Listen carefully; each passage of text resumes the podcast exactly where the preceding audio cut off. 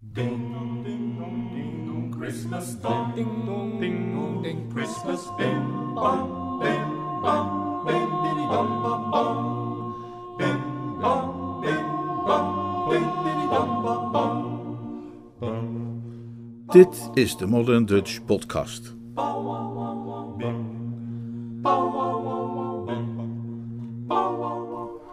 Vandaag weer een wat bijzondere en ook weer korte aflevering van eh, de Modern Dutch Podcast. En speciaal voor kerstmis. The moon is right The spirits are We're here tonight And that's enough Simply having a wonderful Christmas time Simply having a wonderful Christmas time Het kwam eigenlijk zo. Van de week was er een Woodhouse-liefhebber. Eentje die helemaal in Japan woont. En, eh, eh, die daar leraar Engels is. Een Nick Hopkins. Die vroeg op een van de sites die er bestaan voor Woodhouse-liefhebbers. eh, Fans of Woodhouse heet die site. Die vroeg of er iemand was die hem een lijstje kon aanleveren van Woodhouse-verhalen die met kerstmis spelen of waar kerstmis in voorkomt. En dat wist ik toevallig, want voor de Modern Dutch podcast, de luisteraar weet dat natuurlijk, heb ik eh, de afgelopen vier jaar steeds met kerstmis eh, zo'n verhaal voorgelezen. Nou heeft Woodhouse niet zo heel erg veel met kerstmis. Dus het zijn meestal verhalen die wel met kerstmis spelen, maar die verder niet zoveel met kerstmis te maken hebben. Ik was er trouwens nog één vergeten, waar Ken Clevenger mij op gewezen heeft. Dat is de huidige voorzitter van de Amerikaanse Woodhouse Society. Die voegde er nog één aan het lijstje toe. Hartstikke goed. Leuk is dat ook, dat je eh, over zo'n onderwerp als Woodhouse met mensen over van heel de wereld eh, met elkaar kunt praten. Heel grappig is dat eigenlijk. Eh, en dan is er nog één typisch kerst, eh, kerstbijdrage van Woodhouse. Niet zozeer een verhaal, maar een, meer een komisch essay. Dat ik nog nooit gebruikt had. En dat ik dan dus vandaag wil eh, voorlezen. Ja, een echte kerstliefhebber, ik zei het al, was Woodhouse eigenlijk niet. Hij maakte met kerstmis eh, grapjes, als hij er een verhaal over maakte. We kennen allemaal wel dat verhaal, dat is natuurlijk het beroemdste. De Yuletide Spirit, hè, de, de ware kerststemming heet dat in Modern Dutch vertaling. Een heel grappig verhaal eigenlijk. Waarbij eh, Bertie Wooster en, eh, en wat andere van die drones-types elkaar, eh, elkaar wat plagen als ze voor kerstmis op een landhuis bij elkaar zijn. Dan heb je natuurlijk een heel grappig kerst tussen aanhalingstekens verhaal dat in 1970 in de Playboy heeft gestaan. Dat heet Een Nieuwe Kerstvertelling, Another Christmas Carol. Heel grappig verhaal. Kun je ook beluisteren op, eh, in, de, in de Modern Dutch podcast. Op de site van Modern Dutch podcast zijn, de, eh, zijn precies die titels en welke aflevering het is van de Modern Dutch podcast, podcast dat kun je daar precies vinden. Eh, nou, dan zijn er nog zo'n paar verhalen die dan toevallig min of meer met kerst, kersttijd spelen. We hebben de beproeving van Young Tuppy uit 1930. Eh, en we hebben de Metropolitan Touch. Dat was het verhaal dat ik vergeten was. Dat eh, Ken Clevenger heeft toegevoegd aan het lijstje. Dat is dat schitterende verhaal waarin Bingo Little, omdat hij verliefd is op een bepaald meisje, om zich uit te sloven voor haar een kerstvoorstelling van de parochie of van het dorp eh, gaat, ehm, gaat organiseren. En dat dan eh, op metropolitan manier wil doen. Met grootsteedse aanpak heet dat verhaal dan. Nou, dat loopt natuurlijk helemaal in het honderd. Nou ja.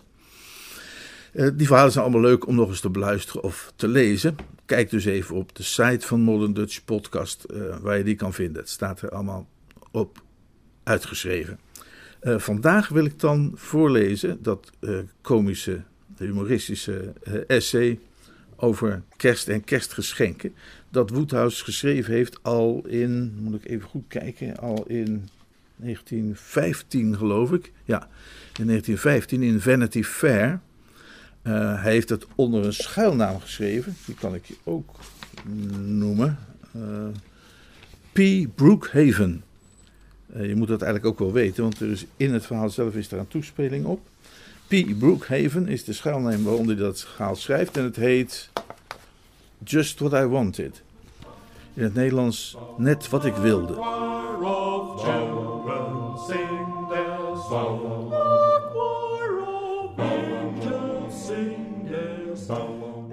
Nog even dit. In alle afleveringen van de Modern Dutch podcast gebruik ik altijd uh, muziek van Bill Brooker's Jug Band. Uh, die altijd heel goed bij de verhalen past. Uh, waar ik met veel plezier 40 jaar lang in gespeeld heb. Maar met de kerstafleveringen gebruik ik altijd muziek van Barbers and Bishops. Een Haarlemse zanggroep. Waarin onze illustre oud-voorzitter Karel Blommestein 35 jaar lang gezongen heeft. En waarin later ook uh, ons huidige lid Frank de Ruiter zong.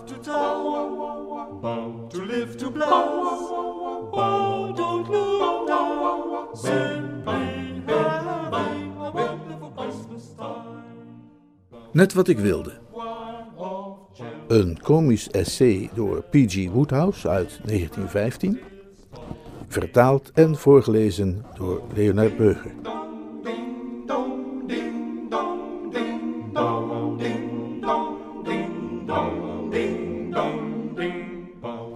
Ieder jaar, bij de nadering van het kerstfeest, lijkt het wel alsof de hele goede gemeente bevangen wordt door een compleet andere stemming. Een stemming van opgewektheid en goede wil.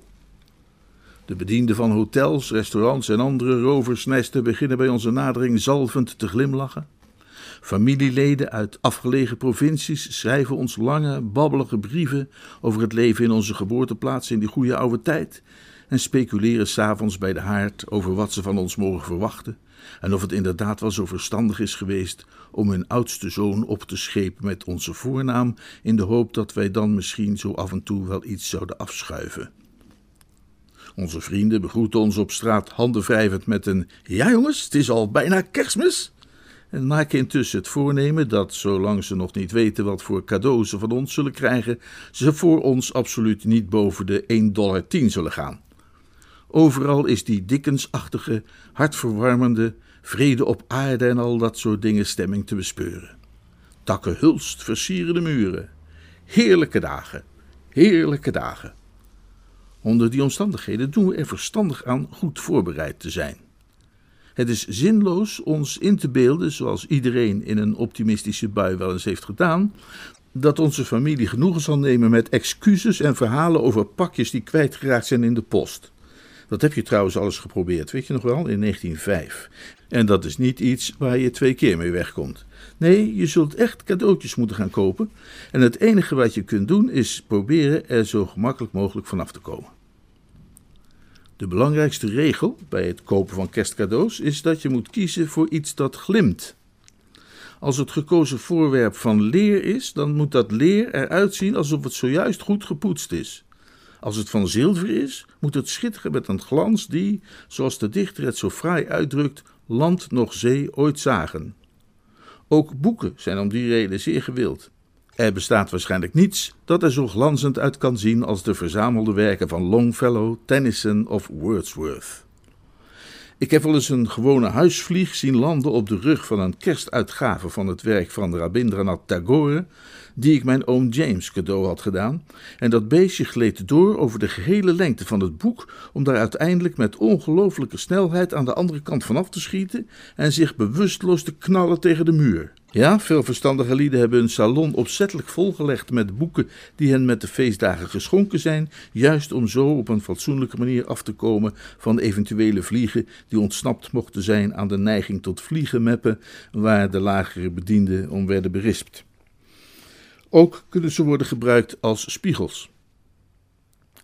Mijn enige, wellicht wat zelfzuchtige bezwaar tegen de gewoonte om elkaar met kerstmis boeken te schenken zou kunnen zijn dat het zekere schrijvers zou kunnen stimuleren en werk verschaffen, terwijl ze er veel beter aan zouden doen de pen terzijde te leggen en een echte baan te zoeken.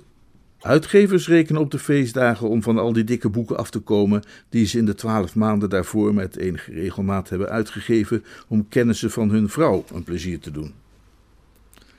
Wanneer het publiek verstandiger keuzes maakte qua kerstgeschenken, zou dat de verkoop vrijwel geheel stilleggen van zulke boeken als Mijn reizen naar minder bekende vindplaatsen van de Siberische aalgier, Vergeten wandelwegen in Oud-Hoboken, Vogelleven langs de zuidelijke Mississippi en dergelijke. Medemenselijkheid en rekening weten te houden met anderen zijn de twee deugden die iedere koper van kerstcadeaus zou moeten bezitten. Hij zou ernaar moeten streven iets te kiezen dat in elk geval doorgeschonken zou kunnen worden aan iemand anders bij het volgende kerstfeest. Of in het geval dat een andere ongelukkige, die toevallig een vriend is van het slachtoffer, aankondigt dat hij gaat trouwen. Veel ellende is veroorzaakt in talloze huisgezinnen door de gewoonte geschenken te geven waar niet op deze manier mee kon worden omgegaan. Ik herinner me ooit aan een vriend die op het punt stond de basis te leggen voor een toekomstige scheiding door met een meisje te gaan trouwen, van wie de naam mij op dit moment even is ontsnapt, uh, een bijzonder weerzinwekkend ogende karaf te hebben geschonken, die ik zelf met kerstmis gekregen had van mijn tante Charlotte. En waar ik niet had opgemerkt dat er een inscriptie op was aangebracht, die luidde: Van je liefhebbende CBH.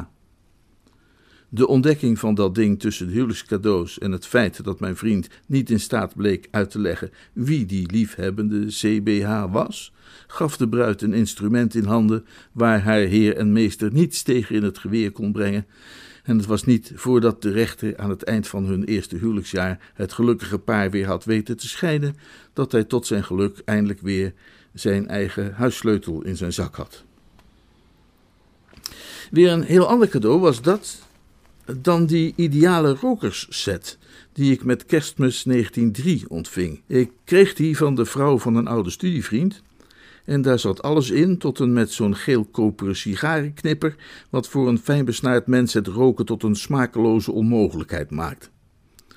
Ik ben niet helemaal meer zeker van de feiten, dus ik aarzel wat om die beschuldiging uit te spreken, maar ik geloof zelfs dat er een fluwelen rokersmutsje bij hoorde. Ik heb de complete set in de herfst van 1904 aan een andere oude studievriend gegeven als huwelijksgeschenk en er verder niet meer bij stilgestaan. Wie schetst mijn verrassing toen ik de hele verzameling op kerstochtend 1908 zelf weer terugkreeg van een verre neef? Ik heb hem met kerstmis 1909 opnieuw weggegeven. Maar ik pakte hem bij mij thuis toch weer uit op eerste kerstdag 1914. Dit keer als geschenk van diezelfde vrouw van een oude studiekameraad, waarvan ik hem voor het eerst gekregen had in 1903. Het ding had een volledig rondje gemaakt, maar zag er nog als nieuw uit, hoewel er geen rokersmutsje meer bij was. Kan zijn dat er nooit een rokersmutsje bij geweest was, maar misschien ook had het fluweel de tijd minder goed doorstaan dan het messing. Ik geef toe dat ik een lichte ontroering niet kon onderdrukken toen ik het geschenk terugzag en bedacht hoeveel goede lieden het in staat had gesteld een ander van een fraai en begerenswaardig kerstgeschenk te voorzien zonder hoge uitgaven te hoeven doen, wat bij de huidige almaar stijgende kosten van levensonderhoud zonder meer een plezierig ding is. Over enkele weken zal dit geschenk zijn rondreis hervatten, maar ditmaal langs een andere route want ik stuur het naar een vriend in Australië, in contraille dus, waarvan ik wel durf aan te nemen dat het er nooit eerder is geweest. De vraag: wat gebeurt er eigenlijk met onze kerstgeschenken? heeft het denkende deel der natie lang voor een raadsel gesteld. Ieder jaar overstroomt een vloedgolf van ongelooflijke nutteloze rommel deze wereldstad, en op de een of andere manier zijn we die dan weer kwijtgeraakt, lang voordat de eerste mug van het jaar aan de oever van New Jersey staat en de pont neemt naar de 23e straat. Een deel daarvan wordt ongetwijfeld gerecycled op dezelfde manier als mijn ideale rokersset, maar de overgrote meerderheid van kerstcadeaus verdwijnt eenvoudig. Ik hang de theorie aan dat die worden terugverkocht aan de betreffende winkels, waar ze dan het volgende jaar weer opduiken in een nieuwe incarnatie. Het feit is wel bekend, geloof ik, dat alle grote winkels in de grote steden binnen hun staf een aantal medewerkers heeft wie er enige taak het is om oude kerstcadeaus om te vormen tot nieuwe kerstcadeaus van een heel andere categorie. Die medewerkers zijn als goede koks die alles kunnen maken van wat dan ook. Ze krijgen bijvoorbeeld een handige zakagenda, streep, sigarenkoker, streep, nagelveil, combinatie voorgelegd en weten die met een paar simpele handgrepen te transformeren tot een portefeuille met koeienmelkinrichting, zoals die in het volgend seizoen vermoedelijk de grote mode zal zijn. Een licht beduimelde volledige Shakespeare-uitgave voorzien ze van een fraai laagje glanzende vernis. Als ik op tijd van hun bestaan had geweten, had ik ze ongetwijfeld tegen een kleine vergoeding tante Charlotte's karaf kunnen laten veranderen in een paar tango-schoenen of iets dergelijks. Er is geen andere verklaring mogelijk voor de volledige verdwijning van de kerstcadeaus van het voorgaande jaar. Materie kan uiteindelijk niet worden vernietigd, alleen getransformeerd. Het probleem van het geven van kerstcadeaus is de laatste jaren nog gruwelijk verergerd doordat het moderne kind zoveel wereldser is geworden. In de goede oude tijd kon je een kind eigenlijk alles wel geven, waarvoor je dan een dankbaarheid in ruil kreeg die inmiddels volkomen uit de mode is geraakt. Ik kan me nog herinneren hoe ik met veel warmte en volkomen welgemeend een oom bedankte, wiens jaarlijkse geschenk bestond uit een rolletje zuurtjes en een sinaasappel. Maar voor het moderne kind zult u een heel eind verder moeten gaan. U zult daar ook dieper voor in de beurs moeten tasten. Dat gaat u feitelijk een lieve duit kosten. Het moderne kind kunt u ook geen sprookjes wijsmaken. Over de kerstman hoeft u tegen het moderne kind niet te beginnen. Het weet waar u woont. Het moderne kind wordt op kerstochtend wakker, een beetje aan de late kant, want het is tot in de kleine uurtjes in de disco geweest, en scheldt lusteloos om Wilberforce, zijn bediende, die het de pakjes laat uitpakken.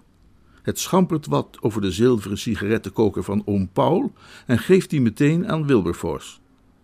Het reageert flauwtjes op de mededeling dat tante Mathilde het een nieuwe auto heeft gegeven en vervalt in een somber chagrijn wanneer het hoort van welk merk die is, want dat merk is niet meer echt in. Pas wanneer het ontdekt dat zijn brave oude grootvader het een pakket aandelen Bethlehem staal heeft geschonken, wordt het echt vrolijk. Het geeft Wilberforce opdracht contact op te nemen met zijn effectenmakelaar zodra de beurs opent. Ook vraagt het Wilberforce om opa op te bellen om hem te bedanken. Daarop trekt Wilberforce zich tactvol terug. Het knaapje steekt een sigaret op en leunt vermoeid achterover in de kussens. Hm. Ik houd van die ouderwetse kerstliedjes. Die hoor je tegenwoordig veel te weinig. Die waren altijd zo vervuld van een stemming van optimisme en van troost. Neem bijvoorbeeld dat liedje van Kerstmis is het maar eens per jaar. Dat is wel mijn favoriet, geloof ik.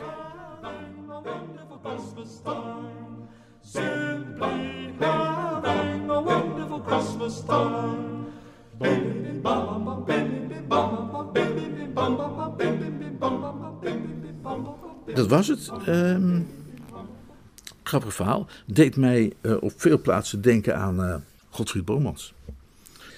Um, wat ik nog wilde zeggen. Modern Dutch podcast versie van Het Meisje in de Taxi is op het moment in de maak. Het worden 17 afleveringen. Ik heb nu aflevering 6 onlangs opgenomen. Dus heb nog even geduld, dan uh, kunt u van de winter nog daarvan genieten vrolijk kerstfeest, gezegend kerstfeest. En tot dan.